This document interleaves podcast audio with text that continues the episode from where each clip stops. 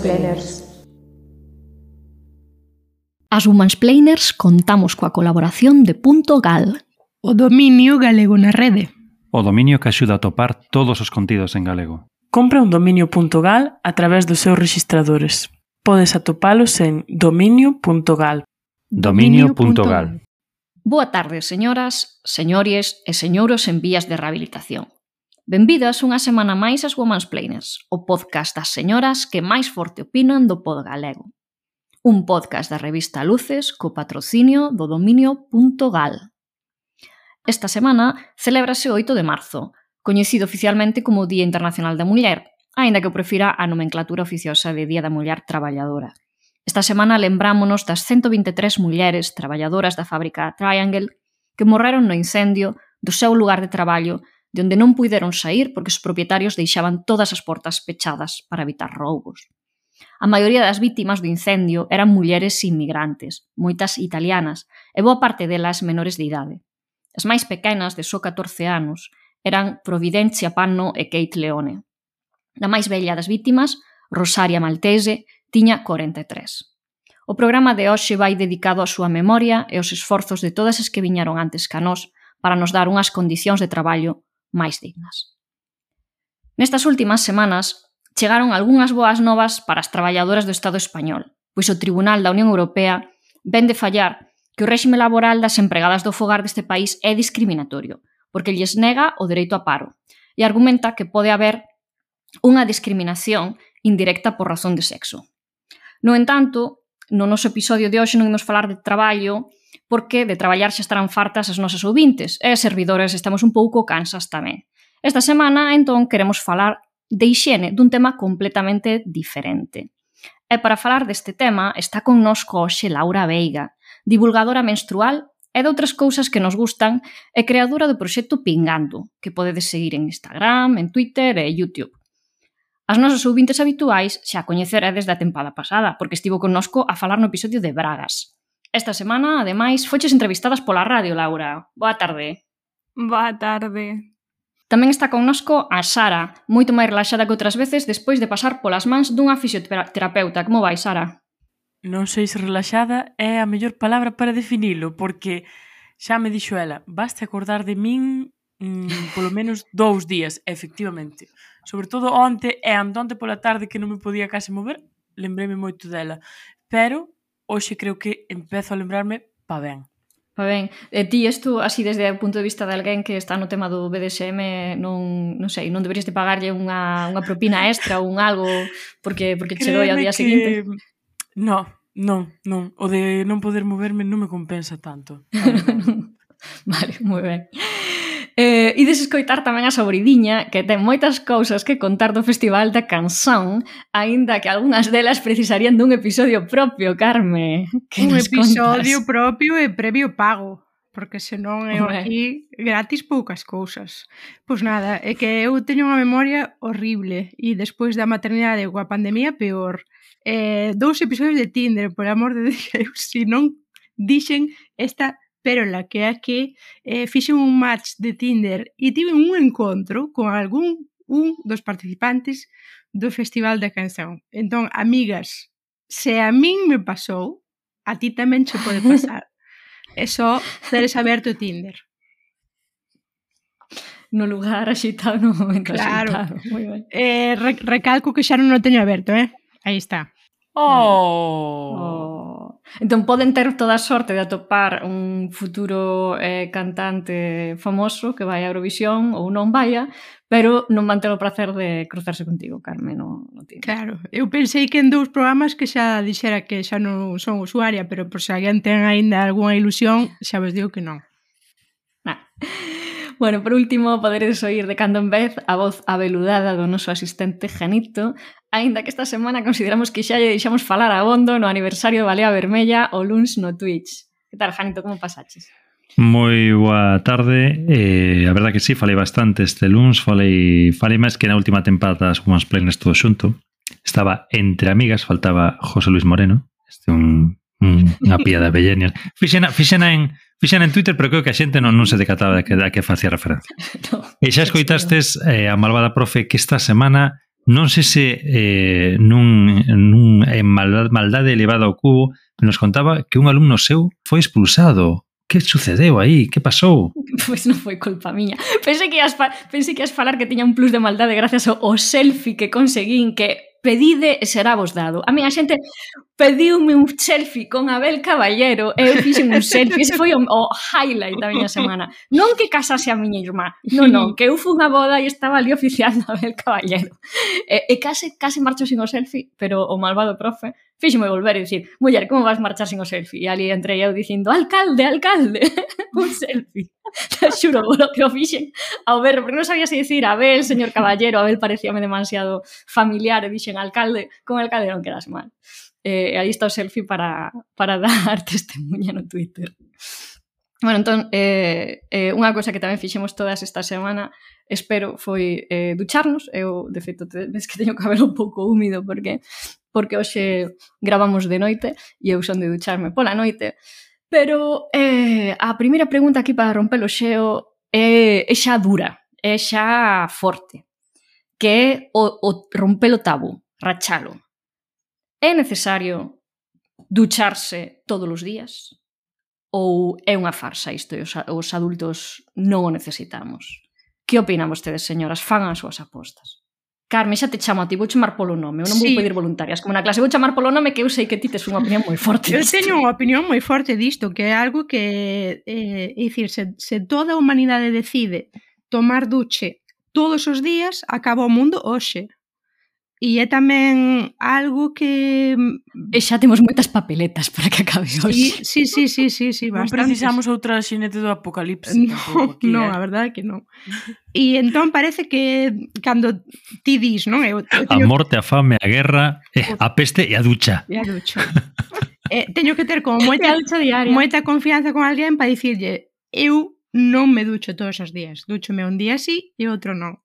E por que teño que ter esta confianza? Porque existe eh, como unha regra tácita de que hai que ducharse todos os días. Eh, sexas atleta olímpica e, e fagas desporto eh, case 12 horas ao día ou sexas alguén completamente sedentario como a, como a min. Entón, para min, e claro, eh, pode ser unha opinión completamente inválida porque non son dermatologista nada diso, para min non é algo necesario facelo todos os días. Si que o fago todos os días, pois no verán, pois paso todo o verán na praia, obviamente non me vou ir deitar cun, con salitre no corpo, ni nada diso. Tamén transpiras máis. Cando fago desporto, pois tamén eh, tomo duche pois con menos espazo de días. Pero xa vos digo, é que creo que é algo como, sí, non sei, ou mesmo Cando alguén reflexiona sobre outras culturas, creo que se fai sempre desde esta óptica, de tes que te duchar todos os días, porque realmente o progreso é ducharse todos os días, non? Cando mm, a xente mira pois, para tribos africanas, así como con bastante non sei, con nariz así medio arribita e din, ai, pobres, non teñen acceso á agua, entón non poden higienizarse. E a higiene non ten que ser mediante agua sempre. Hai moitas tribus, mm, pois non sei, eh, de lugares desérticos que utilizan pois certos barros que está máis que estudado que teñen propiedades antibacterianas, por exemplo, non? E, e, e, e non pasan pola agua, pero é a súa maneira de, de se limparen. Eh, ou moitas veces o da ducha todos os días foi incluso eh, un argumento para eu duchome todos os días, non son como pois eh, persoas de tal ou cal país cando mm, isto ten moi pouco rigor histórico. Os franceses, Carme, dio con todas as letras. Que aquí aos franceses non os defende ninguén. Non, non, non. Xa, xa sabemos todos en que consiste a ducha francesa, que é botar sí, colonia por riba da roña. No, pois pero iso, que eu, claro. este, este mes celebramos na cidade onde eu son e onde Janito unha festa, que a nosa festa local consiste en botar os franceses de Vigo. Entón, aquí dos franceses podes poñelos a feder, eh, se non feden, el, se non fedesen eles o suficiente. Claro, pero moita xente está como co rollo de, mm, pois, en certos países, non? E esos certos países, ao final, eh, esmiuzas un pouco que a persoa que dicir e pon na mesa países que son de tradición eh, musulmá, cando realmente no rezo musulmá eh, tes que te limpar para entrar nunha mesquita, non? Tes que eh, eh, facer eh, enxuague eh, na boca, lavar as mans, lavar os pés, a toda a cultura do baño que nós temos na Península Ibérica chegou eh, mediante os musulmanos. Realmente, na Idade Media era considerado case libidinoso eh, ducharse todos os días. De feito, eh, agora a, a malvada profe foi a un casamento, o casamento, o, rai, o ramo que levaban as noivas, levábano para espantar certo cheiro corporal moitas veces. Entón, eh, Home, a ver, a, o, da, o tema da cultura do baño xa chegara cos romanos. O que pasa é que sí que é verdade que se perdera sí. e que na zona cristiá é o que distí non é que estivese mal visto ducharse ou, ou bañarse diario. Era que bañarse xa de seu en, eh, non en toda a Europa cristiá e non todo o tempo, porque é verdade que houbo culturas de de baños públicos, por exemplo, en Alemanha, que se conserva en, en miniaturas de manuscritos e así, pero sí que en España houve reis, e, reis e raíñas orgullosos de non de, da súa pureza de alma por non, non andar aí a espirse, que era unha porcallada para, para bañarse, non? Que era como pouco pudoroso. Exactamente. Eh, mesmo así, eh, obviamente, houve cultura do baño antes de, de dos musulmanos, quero dicir que aquilo foi moito máis democrático, chegaba máis a certas camadas do povo. Se vemos a tradición das cantigas de amigo, por exemplo, pois hai algunhas onde se reflite isto, non? De vayamos eh, todas tres a irmanas eh, tomar as ondas ou bañarse ou calquera cousa que ao final remite para iso, para certa higienización case ritual. Eh, e era case ritual porque era puntual. Bon, non sei que pensades, aquí xa me despachei bastante. Sara, A ver, eu concordo eh, coa Carme, quero dicir, non é necesario ducharse todos os días, de feito, mm, eh, dermatólogas que entenden máis do tema que a min, eh, dependendo moitas veces do clima no que te ubiques, por exemplo, se estás en Noruega en inverno, podes duchar cada dous, tres días e non pasa nada, porque non súas. O que pasa é que si Eh, é certo que hai bastante tabú alrededor deste tema. Ti non podes ir a alguén e dicirlle o primeiro día que quedas con esa persoa. Mira, é que eu duchome cada tres días, sabes? Porque che vai mirar fatal. Claro. E Eso o problema sí. tamén é, Sara, cando moitos deses noruegueses veñen facendo o Camiño de Santiago, pensan que o clima claro, que, é o que mesmito, que... e despois che aquí un cheiro a facotex, a facotexo amiga que bota para atrás tamén. Que ademais, eu son moi fan de Lavarse por parroquias, hashtag lavarse por parroquias. aunque non te duches todos os días, claro. higienizarte nas túas zonas que sudan. Pero pois, a parroquia pois, eh, na que fidelizar todos os días. A parroquia. Exactamente. Iso diario. O vídeo é un apartado que vai que vamos falar despois. Sí, chicas, che, llegou a hora del vídeo. que opinas ti, Laura?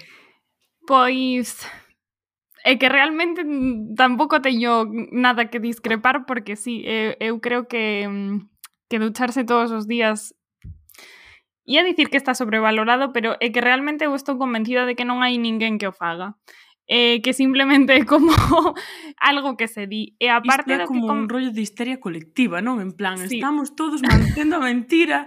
Eh, eh, Efectivamente. eh, a ver, eu coñezo xente no Brasil, sí que hai xente que o fai todos os días e dúas veces ao día, porque eh, eh dúas veces ao día iba a dicir sí. que coñezo xente que se dura, claro, que se porque veces. Eu que sei, tamén a temperatura no Brasil, claro, que te que o clima tamén é, Exacto. é moi diferente. É un pouco como o espello contrario dos noruegueses cando están aquí, que tamén alguén do Brasil tens que dicir non fai falta tanta ducha nin todos os días, nin tantas veces ao día. Hmm. Pero bueno, aparte do tema que comentaba Sara das dermatólogas, eh, a min, eh, bueno, Andrea Muras, que é microbióloga, comentoume que o ducharte todos os días, eh, igual utilizando sabóns moi agresivos, destrúes a microbiota que hai na pel e eh, hai algúns estudos que, confirman que ligas menos. Entón, tampouco creo ah. en plan, se alguén quere ducharse todos os días que teña iso en conta. Porque se che vai a feromona pois pues ou, nada. ou como é isto. Carme, por iso, por iso triunfarías no Tinder. Ves? Co, co rapaz este de Eurovisión. Eu que conste que eu teño unha teo, teño unha teoría para ligar e entón eu eh, fago moito movimento de cabeza para espallar eh, co meu cabelo espectacular toda a feromona, porque eh, o cabelo é como ten un tentáculo espallador de feromona. Anotade isto. creo que hai que revelarlle a audiencia, a millonaria audiencia deste podcast o que ningún outro eh, medio de comunicación galego se atreve a decir. Como cada mércores en luces.gal, a actualidade está sobrevalorada. Que nos pode invadir Zamora.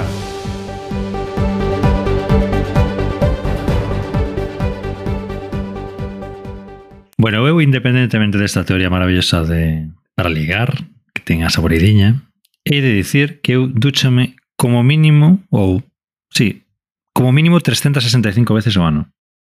Dúchame todos os días. O que non fago é enxabonar todo o corpo todos os días. Sí, é que esa é a chave. Eu, claro. sí que boto xabón claro por parroquias, como di, como decía Sara, aí sí que botou xabón todos os días en algunhas partes do corpo, as, as partes que máis que máis odor teñen, normalmente. Nas parroquias, hai varias parroquias. non hai unha, parroquia, hai varias. Pero, mm, eh, o sea, Nas eh, parroquias na capital do concello. Voto tal. Eh, o, que, o que non lavo, o que non lavo con tanta frecuencia, por exemplo, é o cabelo. Non, non, e non uso suavizante tampouco. Que? Non uso suavizante. A barbas veces tamén, sí, claro. Yeah. Pero no, ni, ni boto suavizante, Oye, nin... Eh? Sí, sí, sí, pero vamos, non, non, non lavo o cabelo, nin o suavizante, nin desenredo tampouco o cabelo. Xa non. Eh, mira, e a barba botas en eh, em, aceites e cousas destas que para Non, non o fago, non o fago. De feito, cando deixei o bigote, debería ter botado deste produto aí como como parou estas ceras e tal para facelo así, darlle formiñas e todo. Non o fixen tampouco. Non, non entrei nese mundo maravilloso dos produtos capilares eh, faciais masculinos, pero vamos que eu sí dúchome todos os días. De feito, eu eh, sí que estou subido no cabalo da no cabalo da instrucción da, da ducha diaria e dúchome máis tempo do aconsellable. É dicir, para min ducharse eh, quero dicir, eu sei que sei que dentro duns anos xa non poderei facer igual que comer bacallau, dis que tamén se vai esgotar bueno, pois eu aproveito agora eh, esta miña aportación de hoxe. Pois eu eh, eu ia falar tamén de como eu abandonei a ducha diaria. Eu non son como Carmen, quer dizer, non é que me duche en días alternos, tanto non, a verdade é que me ducho máis, pero sí que aprendín a facer días de descanso. Polo menos unha semana. Tamén é verdade que é o que dicíamos antes, pois hai ocasións en que polo que fora vas a acabar duchándote dúas veces, ben porque foches á praia, ben porque tiveches relacións sexuais, ben porque vai moita calor, Pero eh, para min isto tivo que ver, e aquí vou alimentar un pouco os prexuizos, pero estes prexuizos son suizos, vale? Xa non son prexuizos. Eh, teño que falar de Alemanha. Alemanha é un país onde iso da ducha diaria non é unha cousa que se cultive. Eu a primeira vez que estive na Alemanha, na vila, bueno, cidade de Memmingen, en, eh, no, no sur de, de Bavaria, eh, chamoume moito a atención, perdón, a eles chamoulles moito a atención que eu me duchase diario, daquela mesmo lavaba o cabelo quizáis un día así e outro non, porque lo lavaba relativamente curto. Eh, eh, pola contra, a rapaza con quen eu facía o intercambio bañábase unha vez a semana. E iso era toda a higiene que tiña. E teño que asegurarvos que a rapaza non cheiraba mal en absoluto. O que é bastante rechamante considerando que tiñamos 15 anos, tamén teño que dicir. Em, entón, E eu tive esa primeira experiencia en Alemanha e despois de adulta, cando fun vivir ali con 24 anos tamén, tiña compañeiras de, de piso, algunhas que eh, compañeiros, algúns que se duchaban a diario, outros que non. Había un en concreto que cheiraba mal, pero penso que era unha cousa porque estaban na adolescencia serodia, que un momento en que hormonalmente, lo que, polo que fose, cheiraba máis, porque tiña 19 anos, e os outros que tiñan, pois, eran maiores que a min, tiñan 25, 26, 27, non cheiraban mal porque xa non estaban nunha idade de cheirar mal, entón aínda que se duchase un día así outro non ou ou con, con menos frecuencia, pois o que distí lavándote un pouco, usando desodorantes e tal, pois a verdade é que non era xente que cheirase mal. E, e entón, eh, a raíz diso, foi cando eu cheguei non a Freiburg, que foi o primeiro lugar en, onde vivín, senón a Münster, que é un, un, eh, Münster, que está no norte, e a auga era durísima, tiña moitísimo cal. Entón eu ali foi cando eu decidín facer o experimento de me deixar de duchar a diario. E provei a ducharme, cando estaba en Alemanha, efectivamente, aí sí que me duchaba un día así un non. E, e notei que non pasaba absolutamente nada. Descubrín que, claro, que ese costume que eu tiña de necesitar ducharme a diario E tiña que ver con que, claro, no momento en que eu comezara a facer, que tiña 12 anos, ou 11 anos, ou 10, ou os que fose, eh, era un momento en que estaba comezando a pubertade. Entón, claro, cheiras mal. Realmente necesitas ducharte a diario porque a túa suor cheira máis, sobre todo cando estás menstruando ou así, que notas que ou, a, ou a, os días anteriores, que notas que, que a túa suerte un cheiro que, que incluso te pode resultar desagradable ou raro a ti mesmo, non? Eh, entón, collín, claro, aí collín o costume contrario, que foi o de ducharme menos, ou simplemente pues, usando desodorante, eh, crema hidratante para evitar os, os destrozos da, da, eh, da cal, Tamén deixei de lavar o cabelo con champú, pasei ao sistema Neupú, tiña o pelo espectacular, se subirei unha foto ao Twitter, pero tiña o cabelo, claro, lavaba solamente cun pouco de bicarbonato e aclaraba con vinagre. Iso significa 15 días de, de cabelo pringoso como nas fotos de Rosalía destes días que parece que lle botou todo o aceite ese que non se encontra nos supermercados que levan no cabelo, pero despois deses 15 días eh, comezabas nun, nun reequilibrio e o cabelo estaba sedoso, maravilloso, brillante, limpo e perfumado, co, porque usaba un, un, un vinagre especial de, de aclarado destes de, de, de frambuesa ou de algo diso que había en Froxe. E eu, a verdade é que, superada esa fase, pois xa rachei un pouco o tabú. E hoxe en día, ah, pois, duchome un pouco segundo me cadra. Quero dicir, eh, eh, podo pasar un día sin ducharme sin ningún problema e fago, por exemplo, nas vacacións eh, intento ducharme pois eh, se é fin de semana, igual un dos dous días non me ducho ou ou se estou de vacacións en Vigo na casa meus pais, que tamén tens que, pois, que compartir ducha, non sei que, pois tamén a, duchome igual un día así, non? Ou así. E o resto do tempo vou entre semana e sobre todo eu que penso que me ducho pola caloriña e gustiño que me dá tamén auga quente o de estar máis tempo do que me corresponde baixo da auga, como dio Janito, para, para ir quentiña para a cama, estar a gusto. Pero máis por iso que porque teño ninguna tema coa higiene. E ademais teño un vídeo fantástico eh, eh, iso para, para os demais. Entón, Sara. Ahora que falabas do cabelo, eh, a min pareceme un auténtico atentado capilar pois lavar o cabelo todos os días, a verdade. E, e se o tes moi graxo, peor, porque ao final é contraproducente. O teu cabelo vai producir máis, máis e máis os seus aceites naturales. De feito, agora está bastante de moda, entre aspas, entrenar o teu cabelo para lavalo o mínimo posible, unha cousa similar a, a que fixeches ti eh, cando estabas en Alemanha, María. E, bueno, hai xente que consigue auténticas virgerías, que eu non sei como fan, de cousa de lavar o cabelo unha vez ao mes. E teñen un cabelo espectacular. Eu, a verdade, é que non sei cal é o truco que utilizan. Eu o cabelo lavo dúas veces á semana, e podría aguantar máis, a verdade, e punto. O pelo rizado tiña que ter algunha, algunha ventaxa tamén. Sí, eh... o, meu, eh, o meu non ten esa vantaxe, xa xo digo eu, pero bueno. algo bo tiña que ter, que xa o método Curly quítache moitas horas de vida. Entón, pois nada. Eh, ai, en referencia ao que dixo Janito antes, hai o extremo contrario de homes que pensan que isto é verídico, eh? e ademais é totalmente en serio, que non teñen que lavar o cu. Eu cando descubrín este dato, quedei Como? asustada. En plan, sí, hai homes que... Pero para non volverse gays ou que, cal é o motivo? Pero non como... o sei, Pero, pero descubrino, eh, non sei onde descubrín isto, non sei se no TikTok ou, ou no Twitter pero que ou en algún sitio. Pero que é cu? Cu é cachas eh, de... ollo do cu conxunto que é... A rajaña do cu. A rajaña. Chamándolle como a, na, no cante popular. Es, eh, flipo, flipo. E entón que pasa? Que, sí, que... De, de rollo de que, que non tiñan que... que é un autolavado eso. Xabón por aí sabes, en plan que non, que, que non lavan o cu, en serio. En plan, De verdade, eu non entendo por qué. Ou que pensan que co xabón que lle chega aos pés mm, a de aclarado xa, xa vale. A mí non me extraña nada si total, si total despois de mexar a higienización é eh, dar, dar, Amén. dar tres toques ata que caian as gotas. Entón, por que nos vai extrañar isto? Pois tamén. Pero eu quedei impactada. Laura, que nos ibas contar? Despois deste dato Nada, claro, que agora teño dúas cousas que contar. a primeira é que eh, xusto polo que estaba eh, dicindo a malvada profe, eu tiven a experiencia contraria porque eu teño dermatite atópica e na miña familia hai persoas que tamén a teñen. Entón, eu sempre me duchei un día sí, un día non. E moitas veces, eh, se tiña a pel mal ou tiña algún brote, pois dous días non me duchaba.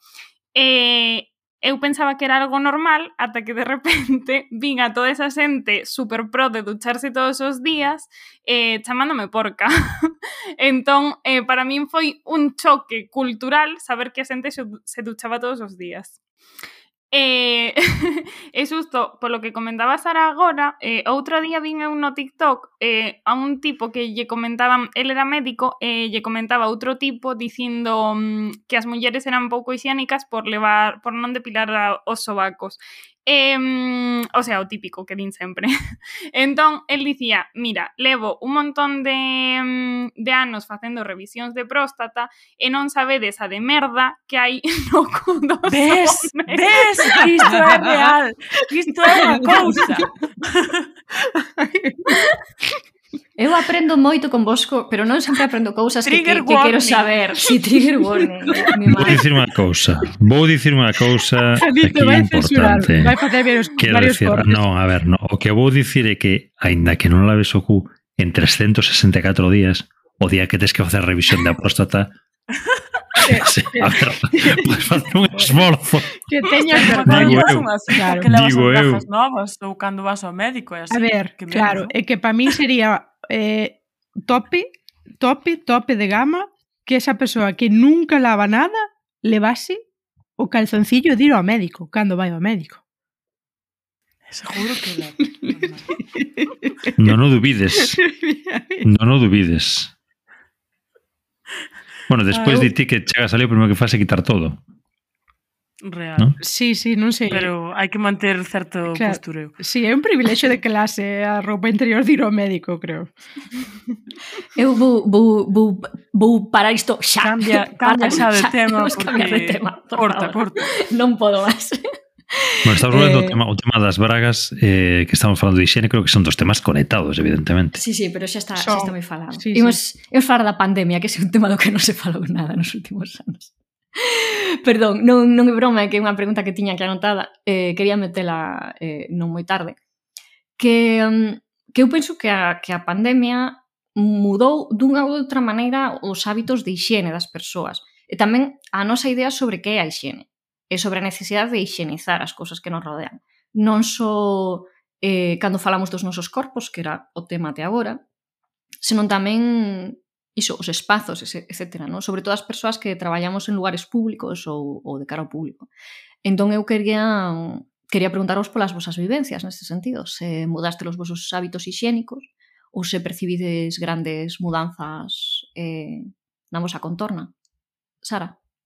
Pois eu teño que dicir que ao principio, sobre todo, cando traballaba na planta COVID, volvíme unha obsesionada da higiene, a ver, que era lóxico naquel momento, non?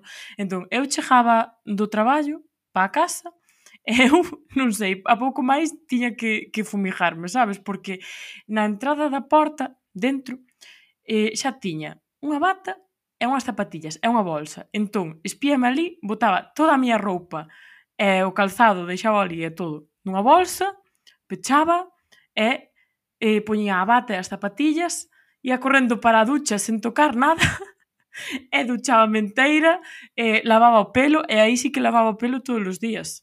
Lavaba, lavábame toda de arriba a baixo, aí, eh, raspando ben para non ter ningún só virus de, da COVID na miña maravillosa pel.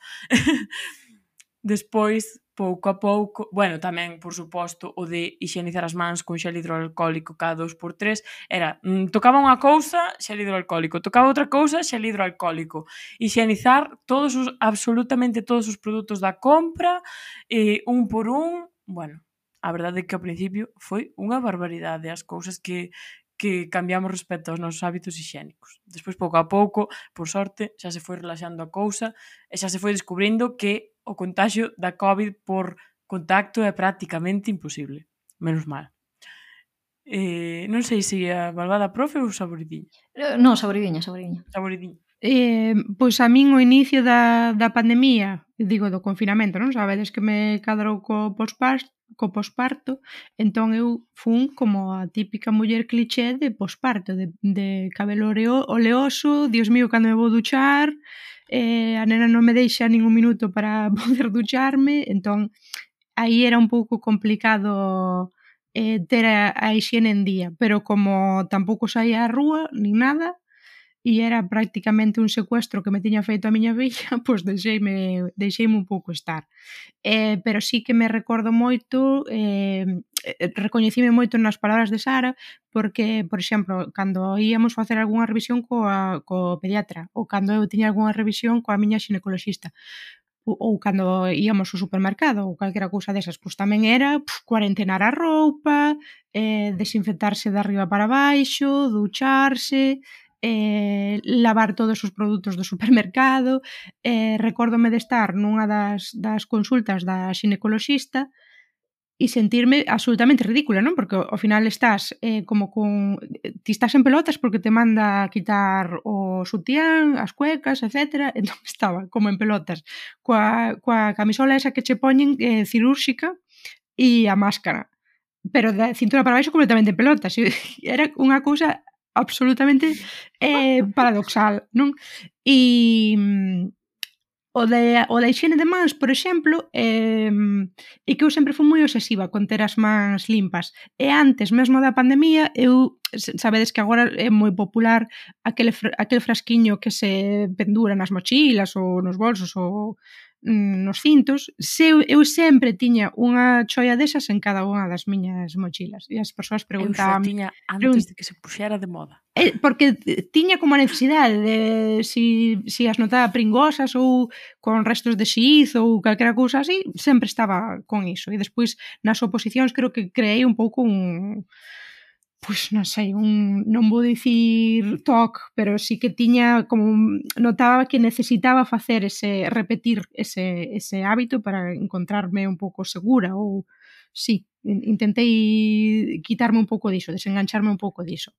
Entón, o da higiene de mans non foi algo eh, como novidoso para min. O que sí que me parece xa hoxe absurdo, xa dixeches ti, é de higienizar cada unha das superficies, penso que tamén o comentou a malvada profe en algún outro programa que aínda hoxe hai que facelo porque o di o protocolo e o protocolo ten que actualizarse e revisarse. Quedoume aí atrás unha cuestión que é o da higiene mm, dos bebés. Eh, eu cando me puxeron a nena en riba despois de botalo ao mundo, eh, pois entrei co, tamén como nun bucle de non quero que me aduchen porque sentía como que o seu cheiro que ia esmorecerse ma duchaban e, e necesitaba como cheirala máis, era como un rollo animal, un vínculo entre ela e eu, porque me, me cheiraba a ela. E, e entón, sí, pues, no hospital quixen un pouco negociar así, a ver si demoraba un pouco en, pasar de agua. e tamén, moitas veces tamén me preguntan, ah, entón, marchas agora, son, por exemplo, as 8 da tarde, e dime, marchas agora, porque claro, porque tens que dar a cea a nena e duchala, non? Bañala. Entón tamén refiro que a nena tampouco se baña todos os días. Se se baña todos os días, se se baña, se necesidade, é máis porque lle mole a auga, porque se relaxe coa auga, pero xa vos digo, dicir, a nena non é Ana Peleteiro, non transpira, non é aínda adolescente para que exude e, e tresande, entón eh, duchua tal vez con dous días de, de espazo entre, entre cada baño. E creo que é suficiente e a nena está como un peperete. Entón, para min, todo ben. Eh, alguén máis por aí? Laura, querías dicir algo? Sí, a ver, que realmente eh, a miña experiencia coa pandemia é como mm, bastante contraria a vosa. Eh, eu este, estaba traballando de, bueno, nos servicios mínimos porque estaba forrando para o máster que estou facendo agora. Eh, entón, sí que tiven esa parte de, de cara ao público, Pero hum, eu teño como unha especie de pensamento máxico que non sei ata que punto é beneficioso, pero sempre penso que non me vai pasar nada malo e se me pasa non vai a ser o suficientemente grave. Entón, eh, nunca cheguei ao punto de... Mm, quero dicir, incluso nos primeiros días da pandemia eu chegaba a miña casa e eh, simplemente ia a ducha porque estaba sudado do traballo, pero non especialmente nin paranoica, nin tampouco sacaba a roupa um, para lavala por non, por non infectar a ninguén, nin nada, entón eh, tampouco tiven demasiado cuidado con iso. Eh, por iso, porque pensaba que non me ia contagiar ou que de todas todas, como traballaba de cara ao público, me ia contagiar sí ou sí ou que fixera o que fixera. Entón, pois tampouco fixen nada especial. Sí, eu eh, teño a experiencia bueno, da que falo moito non de, nos, nas escolas que mm, que polo asunto dos, dos lugares mo, con moita concentración de CO2 e polos propios protocolos que temos, sí que se insistía moito pois en airear moito e en limpar superficies. O ano pasado estaba nun centro onde tiña que limpar eu, ou limpar, eu botaba o flus flus e os rapaces cada un traía a súa valleta da casa nunha bolsiña para, para limpar Pero agora eh, as, as persoas de limpeza, cando o alumnado cambia de aula, que na miña, por exemplo, nas miñas materias de valores éticos, pois cambian sempre de aula, teñen que sair os rapaces, entra o persoal de limpeza a, para limpar a superficie, e volven sair. Claro, a min pareceme, eh, por unha parte, unha exageración en relación co COVID, por outra parte, cando ves como descenderon os, os contagios, por exemplo, de gripe entre o alumnado e o profesorado, decataste de que esa neura que temos agora a limpar moito máis as mans e as superficies, quizáis teña cousas positivas, aínda que non estean relacionadas directamente coa COVID, non? Eu sí que tiven, xa contei outro día a propósito dos medos no último episodio, que tiven un toc de nena de con cinco anos, eh, de lavar as mans, lavalas até o punto de me sangraren, non? De, de de me sair en chagas. E, e que despois, pois, que me pasou. E coa COVID, um, digamos que eu tive moito medo no verán de, de 2020 por, porque ia para... Non, non mentre estive eu no confinamento non tiña especial medo, verdade? Pero porque ia para a casa de meus pais, estaba ali a miña aboa, que con 96 anos, pois aínda non había vacinas nin nada, eu vía, eu estaba con, con máscara na casa e vía que outros outros familiares meus, eh, curmáns e curmáns, eh, eh, tíos e tías entraban ali e dabanlle dos bicos. E viñan de estar, pois, elas de ir a unha festa nunha piscina, un botellón non sei onde, el de estar, pois, eh, facendo algún deporte destes de equipo, e a min non me entraba na cabeza que fixeran todo iso, claro, eu aí sí que estaba bastante neurotizada, despois ela faleceu eh, en setembro de algo que non tiña nada que ver co, co COVID, eh, ninguén se contagiou na, na familia, entón, bueno, tivemos sorte, pero sí que eu aí tiña o das medidas higiénicas respecto do, do cuspe e destas cousas sí que me daba máis rollo. E de feito, eu son unha desas persoas que xa antes da pandemia non lle daba dous bicos a todo o mundo, eu son desas perso esas persoas que sempre ofrecía a man a xente que, sobre todo homes que non coñezo. Eh, estou segura de que non vou volver de que, de que non vou facelo tampouco cando haxa unha nova normalidade quero dicir, eu penso que que darei, ofrecerei as mans ou ni siquiera a man, porque tampouco é moi higiénico, quero dicir, pero dous bicos, vamos, por exemplo, para min, pois nin de broma. Escoitade Malva Duarte falando misterios. Misterios, xente con paus, feito sobre pirámides, zombies, supoño. Más pirámides. Gandalf é un mago, non un, semide un semideus. Mm. Encántame que todo isto empezara con Duarte, el ex de mi mejor amiga. tamén eres un dos meus besties, tía, agora. Así que non te preocupes. Coma cuñas... Coma... Coma cuñas e xa todo esta peña non vai escoitar o podcast que teño posto, eh. Teño que marchar.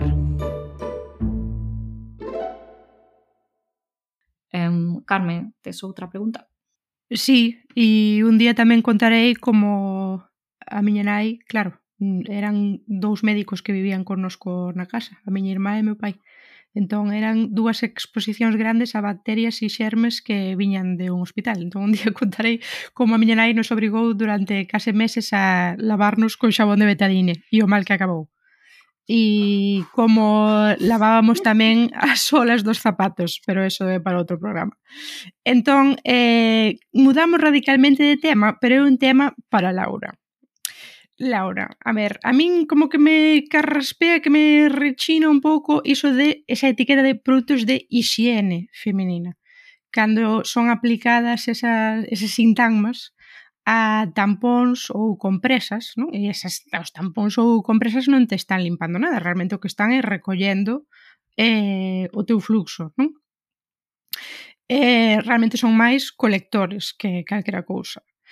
E aí, ao redor deses produtos de higiene, dos chamados produtos de higiene femenina, están o xel íntimo e as duchas vaxinais, porque é suposto que a xenitalia femenina non pode ter ningún tipo de cheiro ou fluidos eh, que vayan á roupa interior, por exemplo. Entón, esta pregunta é ideal para comezar este a responder. Sí, eh, bueno, aparte das duchas tamén hai xente que pon vapores, que é como a fumar toda... que debe ser como o peor que hai, pero bueno... Eh, a ver, claro, eu co tema de o sea, o termo higiene eh, créame bastantes dúbidas, eh, que realmente igual xa é unha cuestión de lingüística, pero... Mmm, Claro, por exemplo, en maio celebrase o día da, da higiene menstrual, eh, aí créase bastante debate entre as activistas porque eh, está o que distí que realmente como que eh, introducen esa connotación de suciedade, Pero eh, sí que é certo que se ti buscas a palabra higiene no dicionario, eh, higiene tamén significa o tema de promocionar a saúde, por iso eh, tamén, eu que sei, eh, as medidas higiénicas de sono eh, ou de alimentación. Entón, claro, a min xerame moitas dúbidas porque entendo o significado, pero se a poboación xeral mmm, vai non entender por ah. suciedade, realmente debería utilizarse esa palabra pois non o sei. eh, e logo sí que é certo, o sea, aparte eh, creo que eu creo que compresas e tampóns chamanse produtos de higiene femenina eh, precisamente porque nos, nos anuncios e nos produtos tamén se di, mm, bueno, que conteñen perfumes para que non cheire, entón creo que como para introducir un pouco ese concepto de eh, naturalmente o sangue vai cheirar, cheirar mal, entón necesitas estes produtos de higiene, que realmente, como diste, son colectores e non, non limpan nada, eh, para axudarte a ti a que non cheires porque naturalmente vas cheirar. E eses produtos eh, porque falas eh, de que a xente di que o sangue vai cheirar mal, non? Pero non pode ser mm. que tamén o propio cheiro sexa polo propio contacto que ti tes sí. con esa celulosa ou con ese plástico, porque eu creo que é máis claro. polo, polo abafo que tes aí que non polo propio fluido. A ver, vou dicir unha cousa creo que é unha experiencia que tivemos todas de acerca, de aproximar o nariz a ver a que cheiraba. E a mí non me parece unha cousa tremenda. Creo que é...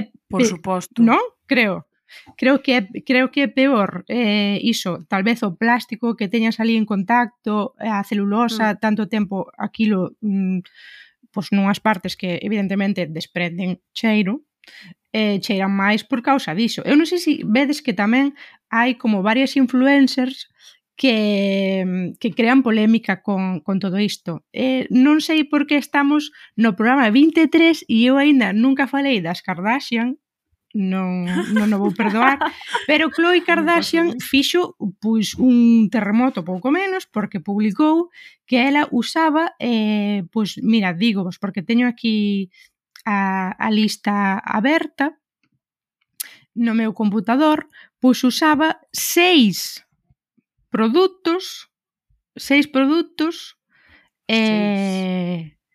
bueno, pois para, para aí, basicamente, que dixen eu a ver se estou eu, sabes, tendo a miña vaxina por, por debaixo das súas posibilidades.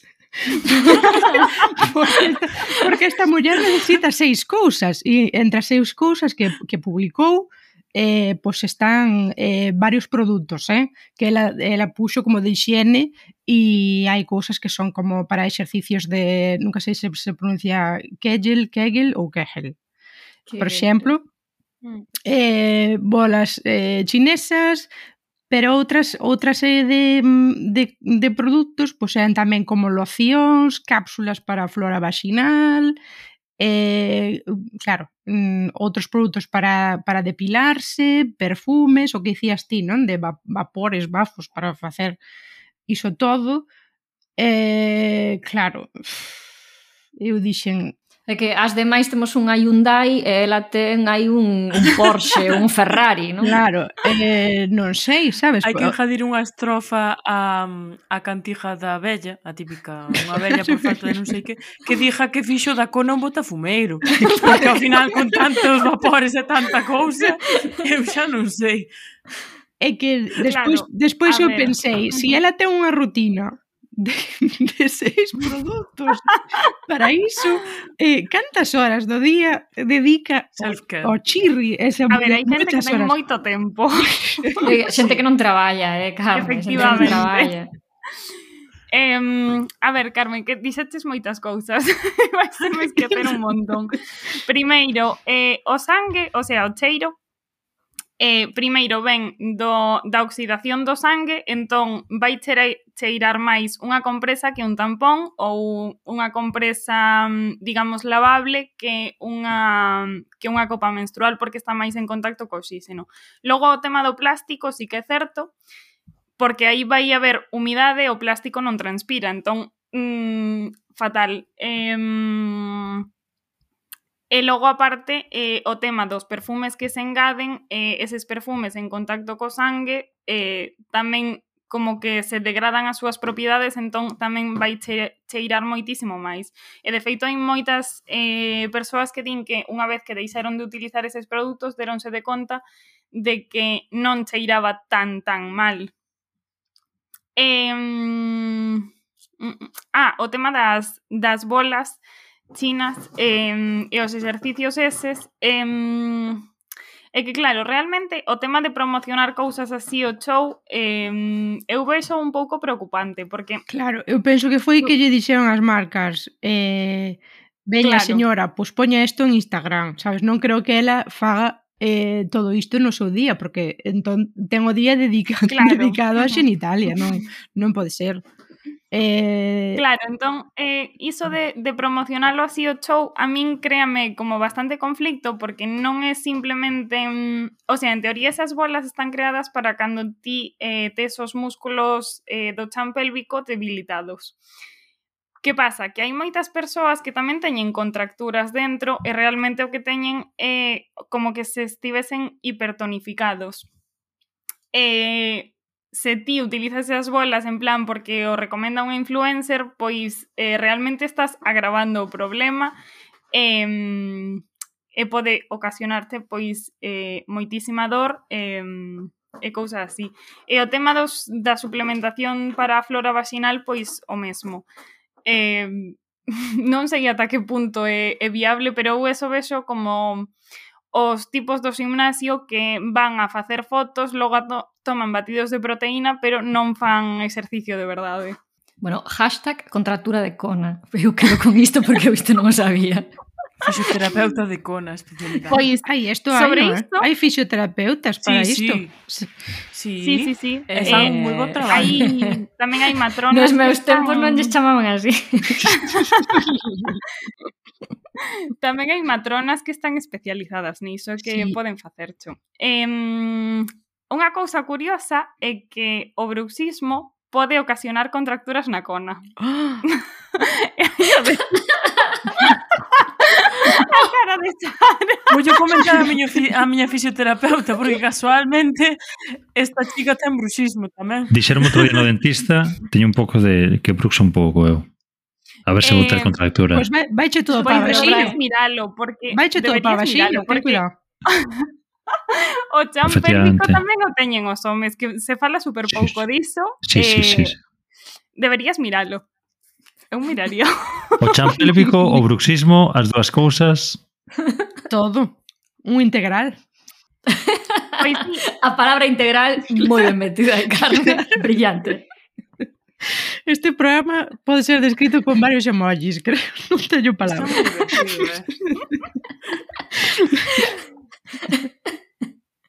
O rollo é que eh, a min explicaron unhas fisios. Eh, se ti non sabes onde tes os, os músculos do chan pélvico, tes que meter o pulgar na boca e apretar. Entón, contraese, non sei... Con, en teoría deberían contraerse todos os músculos do chan pélvico. Entón, é unha claro, magua, é unha magua que non fagamos isto con vídeo para poder ver como todas as woman's planners eu incluído metendo o seu pulgar na boca. A ver, que a min este bueno, eu fago, eu fago eh, hula hoop, claro. que sei que é moi bo En pilates o que che ah, din é que para, para meter o transverso tes que facer como que estás aguantando de facer pis. Tamén. Sí, sí. tamén. Hmm. Claro, que pasa? Que moitas veces eh, ti, por exemplo, hai moitos exercicios eh, pois iso, no gimnasio ou en pilates que o que fan é hipertonificar eh, eses músculos. Uh -huh. Entón, eh, se faz pouco exercicio, normalmente eh, estaría como moi débil, pero se faz moito, igual te pasas eh, tes contracturas. Laura, podemos apalabrar xa contigo un programa sobre conas? Sí, claro. un específico, porque penso que isto, isto necesita máis tempo. É que eh, vale. piden, piden no noso corpo, eh? Piden no Sara, que nos contas? Pois mira, eu hoxe veño aquí darvos datos estremecedores, eh? A ver, a min dixéronme, ademais, varias veces, varias persoas distintas que tiñan a crenza de que se te duchas cando tes a regla, cortaseche. Eu non sei canto de mito, canto de fantasía, Oxalá. canto de nisto, pero sería unha opción moi doada, non? Para cando nos convén. Nada, eu deixo aí o dato, pero quero facervos unha pregunta para cambiar eh, de tema. Eu teño unha costume mm, un pouco, non sei, haberá quen lle guste a quen non, pero antes de sair da casa, da igual o que vai a facer, eh? como se vou mercar o pan cinco minutos e volvo.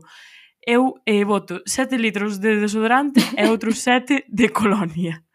Non sei, vos se o facedes e que opinades das persoas que facemos isto? Contádeme.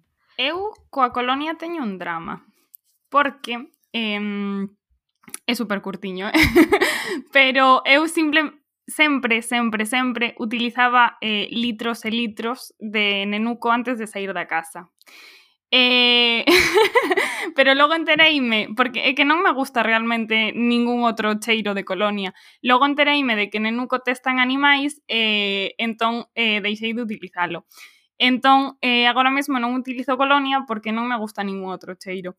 Entón, teño as dúas partes. Entendo quen se baña en litros e litros de colonia e eh, entendo tamén que non é necesario, así que non teño moito máis que dicir. Eh, pois eu, bueno, primeiro que che quero dicir que non era a miña intervención, pero tamén que na Unión Europea está prohibido testar en animais. Entón, eh, se testaron en algún momento en animais xa non o fan. Entón, boas novas para ti. Eh... Sí, pero...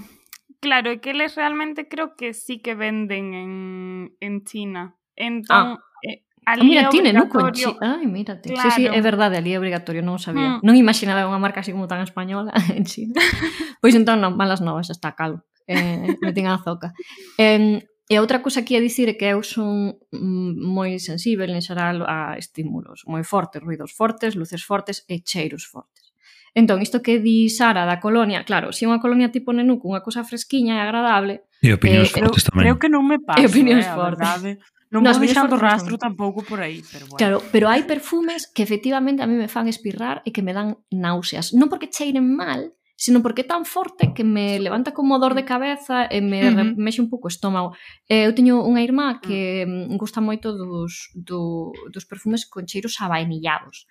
Eh, e, ah, e os cheiros de vainilla que son así doces ou os de coco non, eh, é dicir, se son moi suaves como nun xel ou nunha cremiña gustanme, sonme agradables pero cando son moi fortes, non sei por que dame, dame bastante noxo e todos estes perfumes carísimos tipo Chanel, non sei que tenden a, a darme dor de cabeza, a remexerme un pouco o estómago, entón eu, pois normalmente non uso colonia, verdade, o que fago é en vez de botala na pel, ademais, porque, bueno, leva alcohol e tampouco é o mellor do mundo para as peles sensíveis, é que eu a boto na roupa, segundo a meto no armario, antes de, decir, cando fago a colada e tal, e teño a roupa branca ou a roupa eh, os xerxeis así para metelos na, no armario, botelles un chisquiño de, dunha colonia fresca, unha auga de rosas, ou algunha cousa así un pouco eso de bebé ou cítrica. E despois xa, pois poño, e que dalles pois un aroma moi moi delicadiño, pero si normalmente non non boto moita colonia.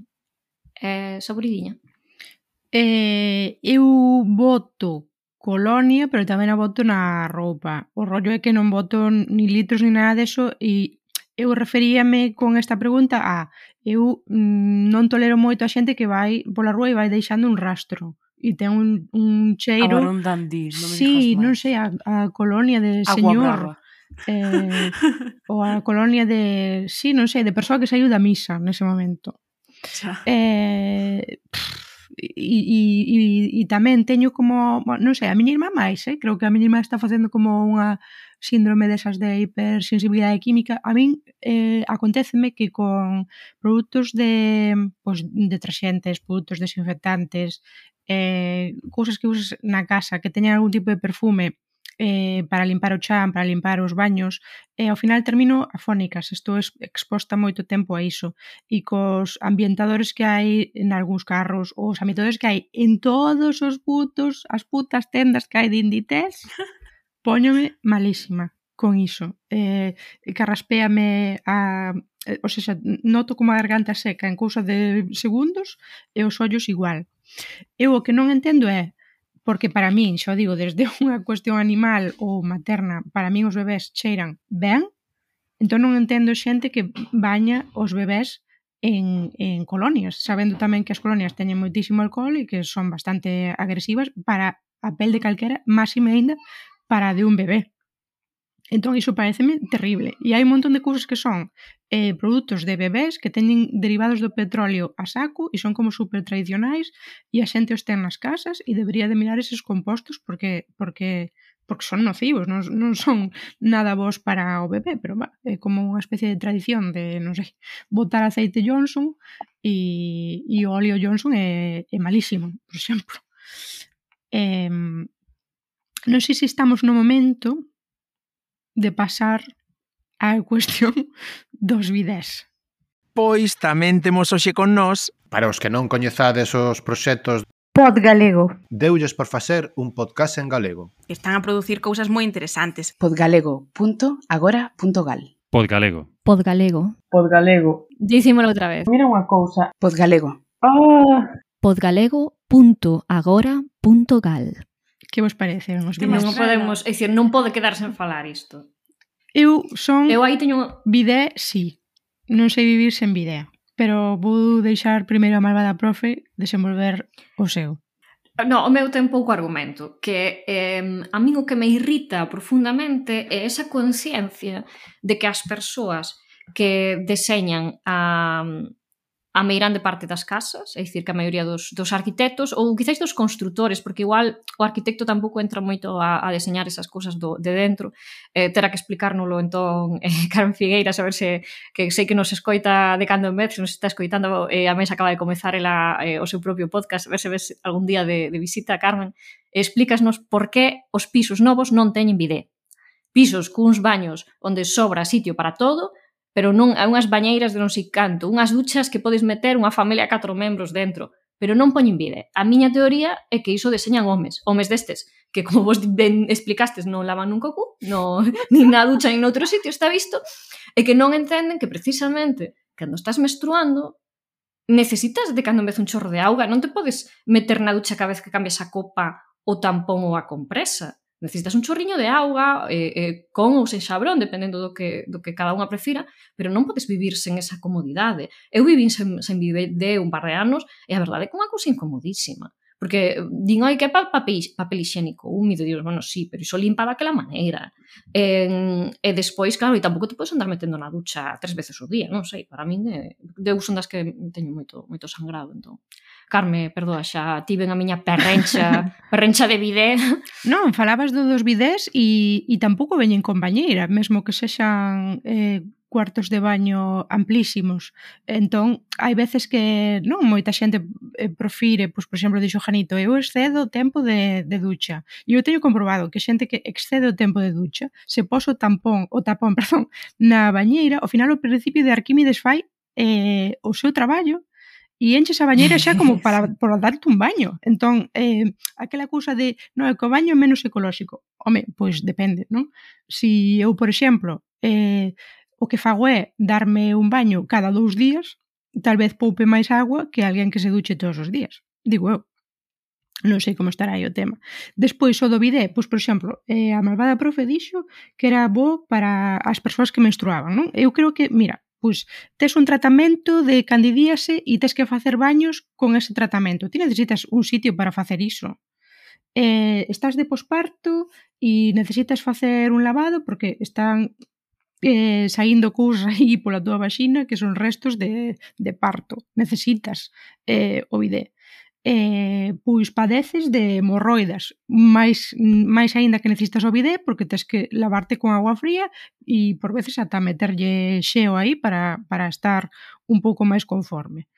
Entón, a mí o que me, o que me escama é moita xente que di que para que vale. É dicir, eu encontrolle mil e un eh, servizos ao bidé, mesmo, por exemplo, que non sexan as partes íntimas. Ves da praia, non te bañastes na praia, pero tes os pés cheos da bea, pois é comodísimo meter os pés no bidé e facer aí un lavado de pés. Ou tes durezas nos pés, necesitas facer tamén un pediluvio, pois aí tes o bidé. Eh, todo, todo vantaxes, parece unha fantasía de, de porcelana feita feita con, concre, con. Fantasía de porcelana. Mm. Hashtag fantasía de porcelana.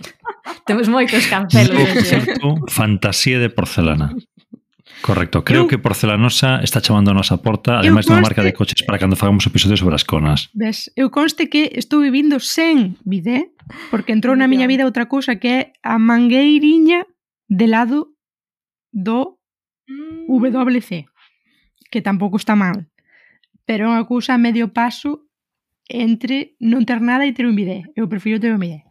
Eu vou dicir aquí unha cousa que despois deste alegato vai sonar a sacrilexio, pero na casa de meus pais sempre houve bidé eu creo que non utilicei o bidé nunca na miña vida.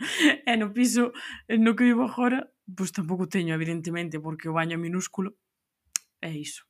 Xa está. Xa me podedes botar das woman's planers. Eh, Laura, queres... Ti tes bidé? Queres ser woman's planer? Eh, sí, claro. Eh, a mí xa me daba medo falar. Eh, eu teño bidé para apoiar o secador.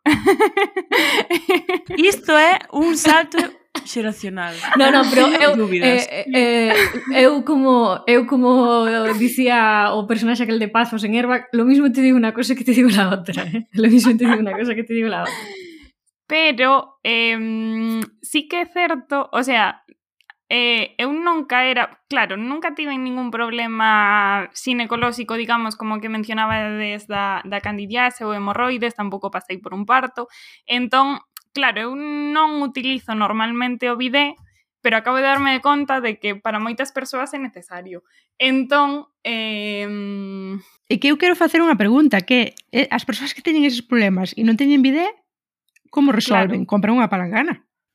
Ese, ese sí que é un salto. metes na bañeira ou Ese sí que é un salto xeracional grande. Ter unha palangana na casa ou non. Sí, sí, claro, chamaba claro. cenilla. que chamaba mi tío iso. Bueno, creo que o momento axeitado para dar un paso é chegar o momento da reflexión. Mais que unha pregunta, teño unha reflexión. Prezada Laura, Patricia deixou unha pregunta para ti. Pois pues, eh, como curiosidade libreira, gustaríamos saber que libro estás a ler agora mesmo e se o recomendarías ou non. Ui. pois eh, agora mesmo estou a ler un eh, de segunda man que me regalaron, eh, creo que ten moitísimos anos, que se chama El tercer gemelo de Ken Follett. Eh, Non o sei. O libro como tal é, bueno, un pouco de thriller médico criminal, que é un xénero que me gusta bastante. Pero eh, Laura, o libro ten ese super tópico que xa falamos no programa de medos, dese xemelgo que é malísimo. Eh, É que claro, esta é a, a parte da, da recomendo pero non.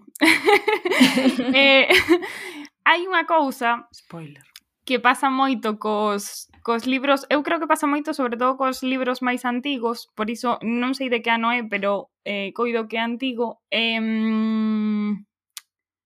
antigo, igual ten dez anos, pero... eh, que, que na contraportada eh, desvelan toda a trama. Entón, eu antes de comezar a lelo, eh, sí que sabía o que ia pasar. Entón, recomendo se non se non ledes a contraportada. Eh, claro, precisamente ese, ese tópico está na contraportada e polo tanto forma parte do, do spoiler. entón, máis que probable que saia un filme deso. Xa hai un filme e, un, e unha, unha novela do ano 1996, maravilloso ano no que eu empecé a sair coa miña señora. Claro, é, é antigo porque eu aínda non nacera. Entón, é antigo. antigo de la, de la antigüedad de toda a vida. Como din Malva Duarte, Malva Duarte ten a teoría de que non existía nada antes do ano 96. E todo anterior é todo unha ficción. Non existe. A mí parece ben esa teoría, porque sí, no 96 apoio completamente. Entón, Podo poñerme sentido, ¿eh? intensita eh? eu e recomendar libros? Bella, é que xusto estas vale. semanas eh, como Pero sobre higiene Non, sobre higiene non, son, creo ningún É que, é que xusto estas semanas comprei libros Porque fun a Xixón, estiven na librería Paradiso Que era unha librería a que ia eu moito cando estaba ali Que unha librería moi boa E tiña gana de mercar libros de poesía paralelos no entroido Porque estaba ali sen facer nada E, e comprei tres libros de poesía escritos por señoras, entón por iso quería recomendalos. Eh, primeiro, saindo unha libraría pois asturiana, eh, o, o primeiro que me encheu o ollo foi un libro en galego, en realidad, que xa me chamou a atención que tiveran, que Atlas de Alba Cid. Eu sempre lendo todo a destempo, sempre un ano tarde, eh, este libro de Alba Cid pois foi hai un ano e algo, eh, premi, levou un premio nacional de poesía eh, para, bueno, poesía nova, digamos, de, de xente máis ou menos moza. Digo máis ou menos porque xa, creo que, que mm, Alba ten máis de 30 anos xa. Pero, bueno, que, que me está encantando. Atlas eh, non ten que ver co, co Atlas en, en Marrocos, coas montañas do Atlas, nin coa figura mitolóxica, senón cos, cos atlas xeográficos. Eu que son unha tora da xeografía, pois este libro de poesía é unha viaxe polos cinco continentes a través de, de historias de... Ela é, é unha persoa que sempre enche os seus os seus textos poéticos de, de referencias eh, múltiples, non? De, da botánica, da, da historia, da, de, da literatura tamén, non? Entón é unha maravilla de libro, eu recomendo a todo o mundo eh, que sexan tan como a min e non o leran aínda e vayan sempre cun ano e pico de retraso. Despois comprei este outro libro que mirade que curioso é, eh, as miñas compañeras van ver agora, que é un libro que está eh, eh, eh se, que se chama La Otra de Ana Lamela Rey, eh, está en castelán e en asturiano, E entón, eh, o de la outra, que é o tema do, eh, do, do dobre e do, e do o dobre e do outro, non? E da autoridade, pois o libro eh, podes comezalo por un lado ou polo outro, e por un lado está en castelán e polo outro lado está en asturiano. É eh, ben ah, curioso. E fala de iso, da, da autoridade como muller, da relación dela coas outras mulleres, tamén con este tópico de ser a outra, etc. etc. Un libro eh, boísimo, moi potente, eh duro incluso por momentos, pero moi moi fermoso, recomendo moito. E o terceiro que teño aquí, non o vou recomendar, a, alén do feito de que levou un premio de poesía joven Antonio Carvajal, eh, porque non o lín ainda, comprei no, pero non me deu tempo, de Rosa Verbel, que é unha, unha autora moi moi nova tamén nacida no ano 97, Las niñas siempre dicen la verdad. Eso está na colección de Hiperión. E onte comecei a ler unha, unha novela eh, de criminal, non? Por iso, como dixo Laura, lembrei dos libros que estaba lendo, de Josephine Tay, que é unha das grandes damas da novela criminal británica, é un dos meus prazeres culpáveis sempre, ler eh, novelas de misterios. Está, o libro chamase Amar e ser sabio, eh, está traducido en Hoja de Lata, que é unha editorial tamén asturiana, fai uns libros moi bonitos. Eh, entón, pois iso, eh, recomendo tamén, aínda que só lin un, un capítulo, xa pinta moi ben, moito misterio, moito misterio misterioso. É iso e xa quedei contenta. Pois mira, eu eh, vou, vou excederme nesta semana, como é 8 de marzo, teño que reivindicar o Día do Home e todo iso, bueno, quero falar, quero facer dúas recomendacións. A primeira é unha serie de, de HBO que chama The Gilded, The Gilded Age, que de, de, de Julian Fellows, o mesmo creador de Downtown Abbey, que é unha serie eh, que está situada en, na década dos 80 do século XIX en Nova York e é unha especie de, para que a xente se fa unha idea do que é, unha especie de Downtown Abbey, pero en Nova York. Vale? Cos mesmos, mesmos personaxes, co servicio, coa clase alta, con moita máis eh, moita máis interacción entre distintas eh, clases e distintas persoas das que hai en Downtown Abbey. Eh, os conflictos son un pouco diferentes eh, está, está me gustando bastante. Levo vistos dous ou tres episodios, está super ben. Sale Christine, Christine Baranski, sae, mm, non lembro agora como se chama unha das, das protagonistas de Sex in the City, non me lembro agora como se chama a actriz. Eh, a verdad que a serie está está me gustando moito. E outra e outra cousa que outra cousa que mm, que quería recomendar que estamos estamos saindo xa do COVID a parecer eh, esto decían que íbamos a ir cambiados. Por favor, a ver se a partir desta lavamos as mans. A xente que nos escoita, hai que seguir lavando as mans, aínda que non haxa COVID, lavemos as mans. Estas son as miñas dúas recomendacións esta semana. A actriz chamase Cynthia Nixon. Efectivamente. Pois eu, se me permitides, fago tamén a miña recomendación porque como introduciu a malvada profe na, na presentación o, da, o do Festival da Canción, eh, quero que votedes todos por Pongo e Tristani e que sigades a carreira da cantora Pongo, que eu sei que intuitivamente pensamos que o home se chama Pongo e a muller se chama Tristani nese, nesa dupla, pero é o contrario. Entón, a cantora Pongo é unha cantora de orixe angolana, afincada como tanta xente en Lisboa.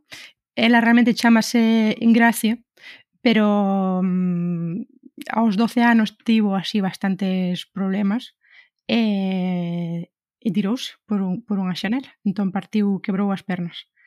E o pai chamoulle así na casa familiarmente de Empongo, que é unha, o nome de unha outra artista congolesa que superior, superou a poliomelite. Entón, este sábado é a super grande final e teñen que ir a Eurovisión representada a Portugal en Turín, Pongo e Tristania. Así que estade atentas a todo o que a Pongo fai, que normalmente o que ela compón é mm, cuduro, rap, e tamén música pop, esa canción de Gradé é un pasote. E pois se me toca entón despedir, teño que Penso, dicir sí. Sí, teño que dicirlle logo a, mm, a Laura que obrigadísima por vir, que sabe que ten pendente outro programa sobre cornos, entón aí xa diches a túa palabra, non, non vale voltar para atrás, ves, non? Ademais está grabada. Claro, isto é, xa sabes, eh, deches a túa palabra, así que agora xa non, non hai volta atrás. Eh, espero que estiveses a gusto, creo que foi un programa onde estivemos todas a gusto e demos algunha confesión E quero dedicarlle tamén este programa a miña filla, porque hoxe fai anos, fai dous anos, e a Adriana Calcañoto fixo unha música para o seu fillo Gabriel. Isabel Pantoja fixo unha música para mi pequeño del alma e eu sei que nun futuro vou deixar todos estes podcasts onde falo de cando me sei por min e etc, etc, para a miña filla, para que a miña filla me coñeza un pouco mellor cando eu non estea neste momento. Amara, ámote. Non me xulgues moito. Eh? claro. sí. Eh, eh pues pagarás para que destruamos eses onde falabas do Tinder. Pagarás, pagarás. bon, pois pues iso, vamos xa concluindo e ata a próxima semana entón para a nosa Sara. De que a semana que ven. Ata a próxima semana tamén, malvada profe. De que a semana que ven, Carmen. Ata a próxima semana e lávate entre as cachas, Janito. Despídome limpamente. Ata outra. Chao, chao. Adeus, e parabéns, parabéns para Mara. Para Mara.